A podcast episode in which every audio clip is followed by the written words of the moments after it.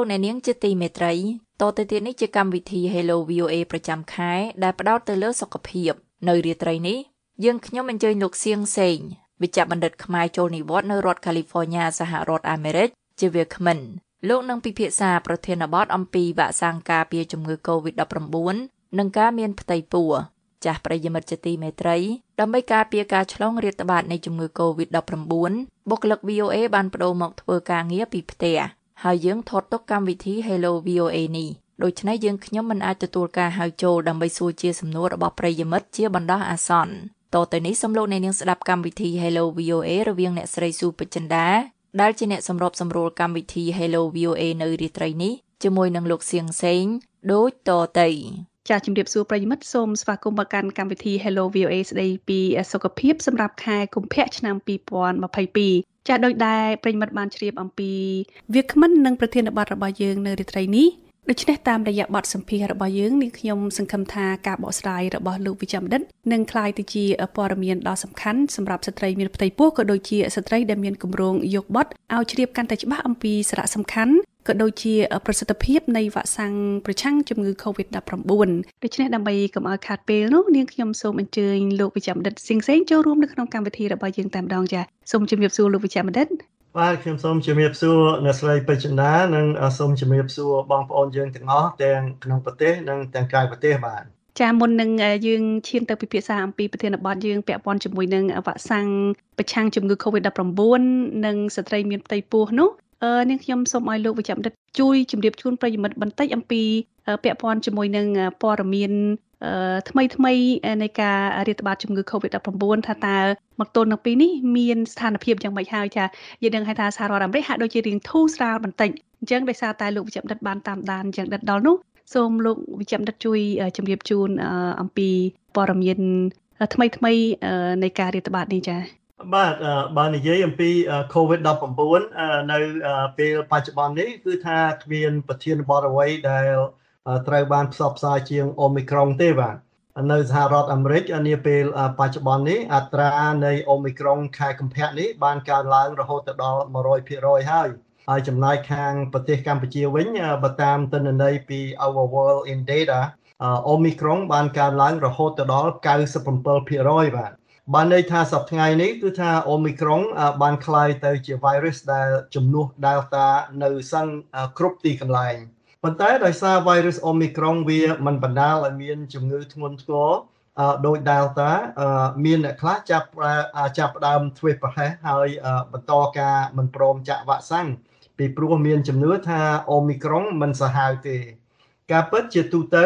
Omicron មិនសាហាវទេ ចំពោះអ្នកចាក់វ៉ាក់សាំង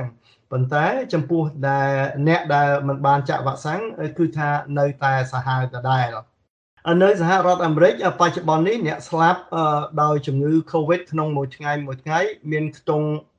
2500អ្នកនៅឡើយហើយចំនួនអ្នកស្លាប់ដោយ Covid ជាសរុបនៅអាមេរិកមានដល់9សែនអ្នកហើយបាទគឺថាជិត1លានអ្នកចំណែកនៅស្រុកខ្មែរយើងវិញមានខ្ទង់3000អ្នក ហើយករណី Covid នៅអាមេរិកនៅមានខ្ទង់152,000អ្នកក្នុងមួយថ្ងៃចំណែកឯប្រទេសខ្មែរយើងចាប់ដើមឡើងបន្តិចបាទខ្ទង់296ក្នុងមួយថ្ងៃតាមទិន្នន័យពី2ថ្ងៃមុននេះហើយដោយសារអូមីក្រុងវាឆ្លងលឿនជាង virus បំផ្លែងទៀតទៀតវាបានបណ្ដាលឲ្យមានការរំខានដល់ប្រជាជនទូទៅរួមទាំងស្ត្រីដែលកំពុងមានផ្ទៃពោះទៀតផង ហើយបើយើងមើលទៅស្ថិតិនៃអ្នកចាក់វ៉ាក់សាំងយើងឃើញតែមានកុសមានការខុសគ្នាឆ្ងាយបាទរវាងប្រជាជនទូទៅ និងស្ត្រីមានផ្ទៃពោះហើយនេះបណ្ដាលឲ្យមានលទ្ធផលមិនល្អទៅលើទៅលើអ្នកដែលមានអ្នកមានផ្ទៃពោះបាទដូច្នេះប្រធានបទនេះសំខាន់ណាស់ចំពោះអ្នកចង់បានកូននិងអ្នកកំពុងតែមានផ្ទៃពោះតាមស្ថិតិថ្មីដែលបានសិក្សាដោយក្រុមហ៊ុន Kaiser គេថា17%នៃប្រជាជននៅ មានជំនឿថាគួរកំចាក់វ៉ាក់សាំងពេលមានផ្ទៃពោះបច្ចុប្បន្ននេះតាមស្ថិតិចុងក្រោយប្រជាជនទូទៅនៅសហរដ្ឋអាមេរិកបានចាក់វ៉ាក់សាំងពេញលេញតែខ្ទង់64%ទេបាទប៉ុន្តែចំពោះអ្នកដែលកំពុងមានផ្ទៃពោះនៅសហរដ្ឋអាមេរិកចំនួនអ្នកចាក់វ៉ាក់សាំងពេញលេញ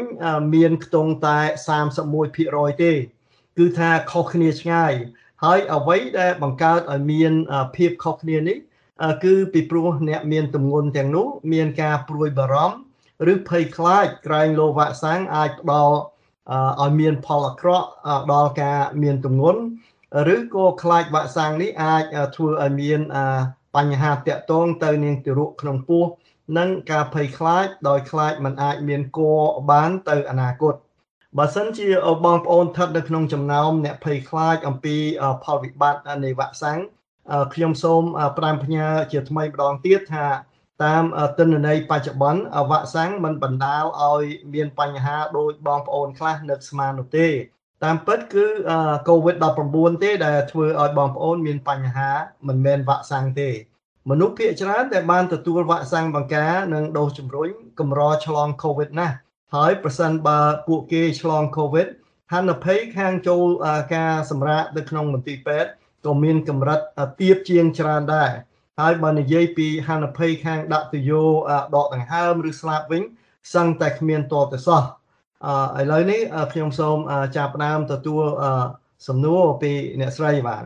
ចាសសូមអរគុណលោកវិជ្ជបណ្ឌិតចាត្រឹមត្រូវហើយឥឡូវនេះគឺយើងឃើញថាយើងឮតែពាក្យថាអូមីក្រុងអូមីក្រុងគ្រប់ទីកន្លែងចាគឺ ប្រទេសណាក៏មានការឆ្លងអូមីក្រុងនឹងខ្លាំងមែនទែនតើបន្ទាប់ពីអូមីក្រុងនេះហើយនឹងអាចមានវីរុសបំផ្លាញថ្មីអ្វីទៀតទេចាបាទសប្តាហ៍នេះគេបានរកឃើញ virus ម្យ៉ាងទៀតដែលបំផ្លាញចេញពី Omicron នេះគេហៅថា stealth Omicron ប៉ុន្តែសប្តាហ៍នេះគេមិនទាន់បានឃើញទិន្នន័យគ្រប់គ្រាន់នៅឡើយទេប៉ុន្តែតាមដែលគេបានសង្កេតឃើញគឺថា Omicron ថ្មីនេះគឺថាมันមានប្រសិទ្ធភាពខ្លាំង ធ្វើឲ្យមានជំងឺខ្លាំងដូច Omicron ទេបាទ The Voice of America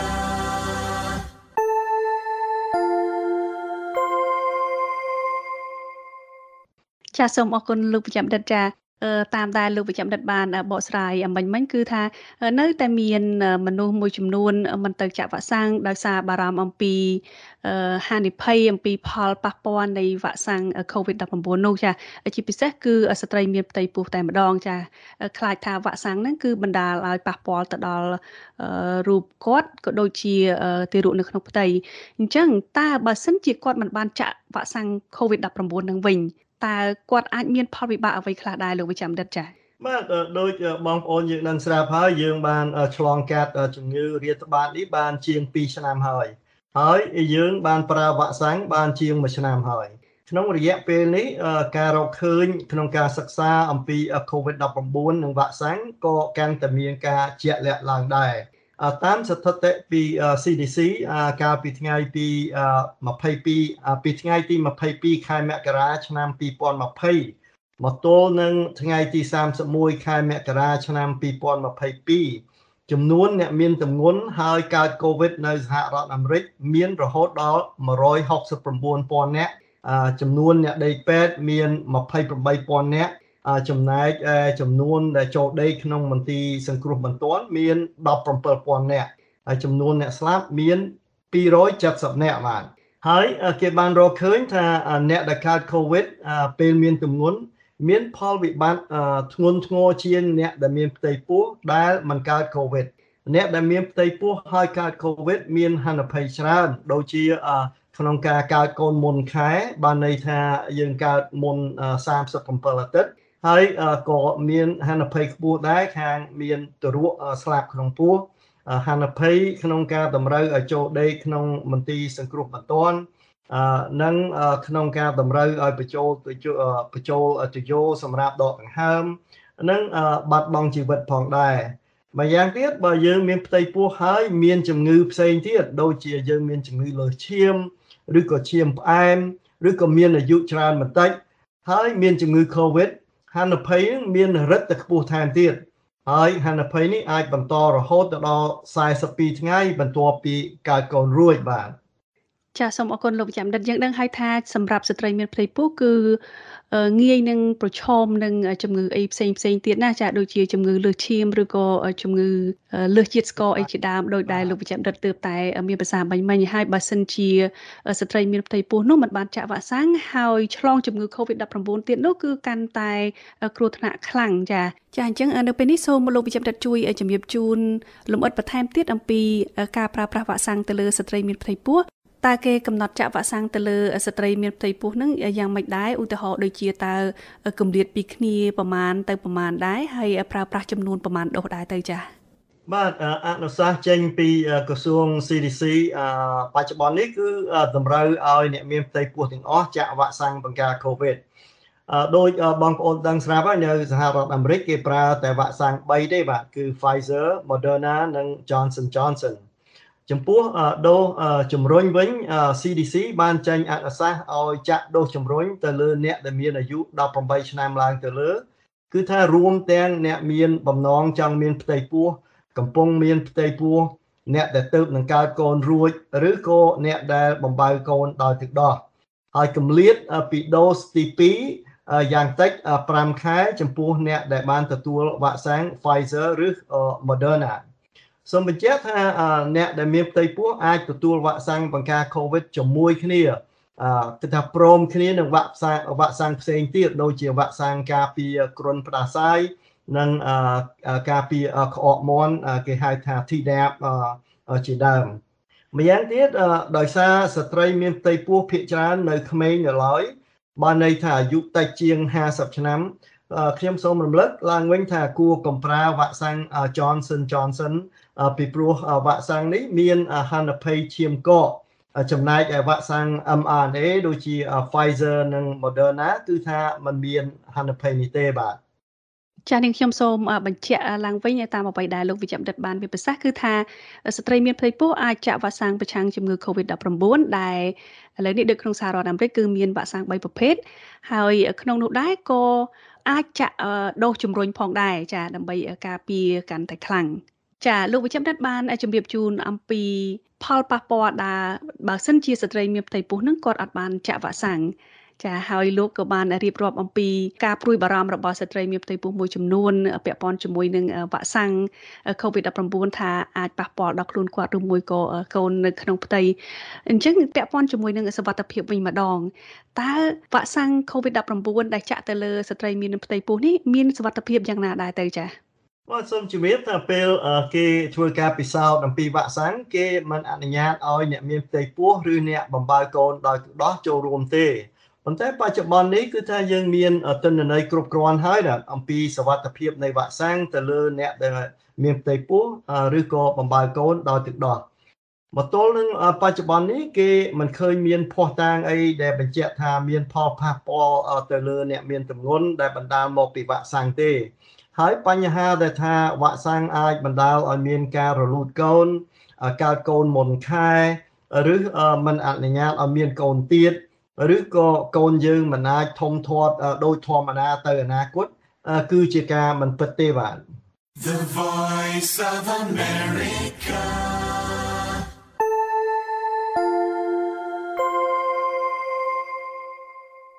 ចាចុះសម្រាប់អត្ថប្រយោជន៍នៃវ៉ាក់សាំងជំងឺ Covid-19 ចំពោះស្ត្រីមានផ្ទៃពោះតើតើមានអត្ថប្រយោជន៍យ៉ាងណាខ្លះចំពោះគាត់ក៏ដូចជាទារកនៅក្នុងផ្ទៃនោះចាការសំខាន់គឺគឺជួយម្ដាយបាទគឺថាជួយម្ដាយកុំឲ្យកើត Covid ហើយកាលណាម្ដាយមិនកើត Covid បានសេចក្តីថាជួយគាត់កុំឲ្យចូលដេកក្នុងមន្ទីរសង្គ្រោះបន្ទាន់ជៀសវាងកុំឲ្យគេបញ្ចូលទៅយោសម្រាប់ដកដង្ហើម ជៀសវាងការកើតកូនមុនខែជៀសវាងទារកស្លាប់ក្នុងពោះជៀសវាងការបាត់បង់ជីវិតដោយសារយើងកើត COVID ហើយម្យ៉ាងទៀតគេបានរកឃើញថាចំពោះអ្នកមានទម្ងន់ហើយបានចាក់វ៉ាក់សាំងអង្គទីកូដែលកើតនៅក្នុងខ្លួនម្ដាយគឺថាបានចូលទៅក្នុងទារកពេលកើតកូនហើយ បានន័យថាអង្គទីកូដែលកើតពីវ៉ាក់សាំង បានជួយទាំងម្ដាយផង ទាំងកូនផងដែលទៅនឹងកើតរួចបានចាអញ្ចឹងបើសិនជាគាត់មានទម្ងន់ហើយគាត់កើត COVID តើគាត់គួរតែទៅចាក់វ៉ាក់សាំងទៀតដែរឬទេហើយតើគាត់គួរតែធ្វើការព្យាបាលបែបណាដែរចាអ្នកដែលមានការកូវីដរួចហើយនឹងហើយពេលមានទម្ងន់គឺថានៅតែគួរតែចាក់វ៉ាក់សាំងដដែលបាទព្រោះចំនួនអង្គីកូដែលកើតឡើងដោយសារយើងមានជំងឺ Covid គឺมันថិតថេរនៅក្នុងខ្លួនយើងបានយូរទេបាទ ដូច្នេះយើងត្រូវតែចាក់វ៉ាក់សាំងតាមពិតបើយើងមានជំងឺ Covid រួចហើយ ហើយបានទៅចាក់វ៉ាក់សាំងកម្រិតនៃការការពាររបស់យើងគឺថាវាមានកាន់តែខ្ពស់ជាងអ្នកដែលមិនកើត Covid ហើយចាក់វ៉ាក់សាំងទៅទៀតបាទបាទមនុស្សភាគច្រើនដែលមានជំងឺ Covid ជាពិសេស Omicron មានជំងឺស្រាលហើយអាចជាសះស្បើយនៅផ្ទះដោយគ្មានត្រូវការការព្យាបាលលើសពីធម្មតាទេបាទ ដូចជាយើងញ៉ាំទឹកឲ្យច្រើន ជាងធម្មតាហើយបើក្តៅខ្លួនយើងប្រើថ្នាំ Tylenol ជាដើមប៉ុន្តែគួរបន្តរក្សាទំនាក់ទំនងជាមួយគ្រូពេទ្យសូមថិតនៅក្នុងផ្ទះឲ្យបានយ៉ាងតិច5ថ្ងៃបន្ទាប់ពីមានរោគសញ្ញាហើយជៀសវាងកន្លែងសាធារណៈដែលមានមនុស្សកកកុញបាទចាតើបើសិនជាម្ដាយគាត់កើត COVID តើមេរោគនេះអាចឆ្លងពីម្ដាយទៅទារកនៅក្នុងផ្ទៃបានទេចា៎ រហូតមកទល់សប្តាហ៍នេះគឺថាយើងមិនទាន់មានភស្តុតាងច្បាស់លាស់ដែលបញ្ជាក់ថា COVID អាចឆ្លងពីម្ដាយទៅទារកក្នុងផ្ទៃនៅឡើយទេបាទប៉ុន្តែមានសេចក្តីរាយការណ៍ខ្លះបញ្ជាក់ថាមានករណីឆ្លងពីម្ដាយទៅទារកក្នុងផ្ទៃប៉ុន្តែมันមានភស្តុតាងច្បាស់លាស់ទេសប្តាហ៍នេះបាទចាលោកវិជ្ជបណ្ឌិតជាមួយគ្នានេះក៏មានការលើកឡើងដែរថាបើម្ដាយគាត់កើតជំងឺ Covid-19 ចាដើម្បីសុវត្ថិភាពនោះគឺគួរតែសម្រាលកូនដោយវះកាត់តើការលើកឡើងបែបនេះជាការត្រឹមត្រូវដែរឬទេចាលោកវិជ្ជបណ្ឌិតយល់យ៉ាងម៉េចដែរចាអមិនទេពាក្យនេះមិនពិតទេបាទពីព្រោះការវះកាត់គឺថាវាបង្កើនហានិភ័យរបស់ម្ដាយទៅវិញទេដូច្នេះបើសិនជាម្ដាយនឹងពិតជាត្រូវការវះកាត់បានជាគេត្រូវការវះកាត់ប៉ុន្តែគេមិនធ្វើការវះកាត់ដោយសារគ្រាន់តែម្ដាយមានជំងឺ Covid ទេបាទ ចាសូមអរគុណលោកវិជ្ជបណ្ឌិតចាជាចុងក្រោយនេះតើលោកមានអ្វីជាការលើកឡើងបន្ថែមទៀតពាក់ព័ន្ធជាមួយនឹងការចាក់វ៉ាក់សាំងក៏ដូចជាការចាក់វ៉ាក់សាំងទៅដល់ស្ត្រីមានផ្ទៃពោះនេះចាសូមជឿនចាបាទខ្ញុំសូមបន្ថែមថាយើងមិនមានទិន្នន័យដែលបញ្ជាក់ជាពិតប្រាកដអំពីអត្ថប្រយោជន៍នៃដូសទី4នៅឡើយទេនៅប្រទេសកម្ពុជា អ្នកខ្លះចាក់វ៉ាក់សាំងដល់ទៅមជុលទី4ហើយ ចំណែកនៅសហរដ្ឋអាមេរិកមកចូលទី4ត្រូវបានប្រើតែទៅលើអ្នកដែលមានប្រព័ន្ធការពារខ្សោយមែនទែនដូចជាអ្នកដែលមានការបដូរសរីរាង្គបដូរថ្លើមបដូរកលៀនជាដើមហើយតាមអនុសាសន៍ថ្មីដូសទី4ត្រូវចាក់យ៉ាងតិច3ខែបន្ទាប់ពីមកចូលទី3ហើយនេះសម្រាប់តែអ្នកដែលមានប្រព័ន្ធការពារខ្សោយមែនទែនទេបាទ យោងទៅតាមការឆ្លងយ៉ាងលឿននៃអូមីក្រុងវាកាន់តែពិបាកឡើងពិបាកឡើងក្នុងការជៀសវាងកុំឲ្យកើត COVID ដូច្នេះដើម្បីការពារខ្លួនយើងនិងទារកក្នុងពោះឲ្យមានសុខភាពល្អនៅក្នុងកលៈទេសៈនេះសូមអញ្ជើញទៅចាក់វ៉ាក់សាំងឲ្យតាមអនុសាសន៍ដែលយើងបានរៀបរាប់ពីខាងលើ សូមឲ្យអ្នកដែលរស់នៅក្នុងរង្វង់គ្រួសារនីមួយៗដែលមានអាយុលើសពី5ឆ្នាំទៅចាក់វ៉ាក់សាំងឲ្យបានគ្រប់គ្នាហើយសូមបន្តការពាក់ម៉ាស់ពេលចេញទៅក្រៅជៀសវាងការចូលរួមនៅកន្លែងដែលមានមនុស្សកកនិងសូមបន្តជួបវិជ្ជបណ្ឌិតតាមការណាត់ជួបបាទចាសសូមអរគុណច្រើនលោកវិជ្ជបណ្ឌិតដែលបានជម្រាបជូនពាក់ព័ន្ធជាមួយនឹងការចាក់វ៉ាក់សាំងជំងឺ Covid-19 ទៅដល់ស្ត្រីមានផ្ទៃពោះចានេះគឺជាព័ត៌មានសំខាន់សម្រាប់ ស្ត្រីមានផ្ទៃពោះដែលនៅស្ទាក់ស្ទើរមិនហ៊ានទៅចាក់វ៉ាក់សាំងដោយសារតែភ័យខ្លាចថាវ៉ាក់សាំងនោះប៉ះពាល់ទៅដល់ខ្លួនក៏ដូចជាប៉ះពាល់ទៅដល់កូននៅក្នុងផ្ទៃចាដូច្នេះអ្វីដែលលោកវិជ្ជបណ្ឌិតបានជម្រាបជូនរំមិញមិញនេះគឺមានសារៈសំខាន់ជាព័ត៌មានដើម្បីឲ្យដឹងជ្រាបច្បាស់ថាវ៉ាក់សាំង COVID-19 នេះគឺมันប៉ះពាល់ទៅដល់ស្ត្រីមានផ្ទៃពោះក៏ដូចជាទារកនៅក្នុងផ្ទៃទេប៉ុន្តែ វាបែរទៅជាការពារក៏ដូចជាផ្ដល់អត្ថប្រយោជន៍ទៅដល់ស្ត្រីនិងទារកនៅក្នុងផ្ទៃនោះកុំឲ្យឆ្លងជំងឺ Covid-19 ចាដូច្នេះកម្មវិធី Hello VOA ស្ដីពីសុខភាពសម្រាប់ខែកុម្ភៈសូមបញ្ចប់តែត្រឹមនេះហើយយើងនឹងមកជួបប្រិយមិត្តម្ដងទៀតនៅខែក្រោយចាសូមអរគុណនិងសូមជម្រាបលាលោកវិជ្ជបណ្ឌិតចាបាទសូមជម្រាបលាបាទ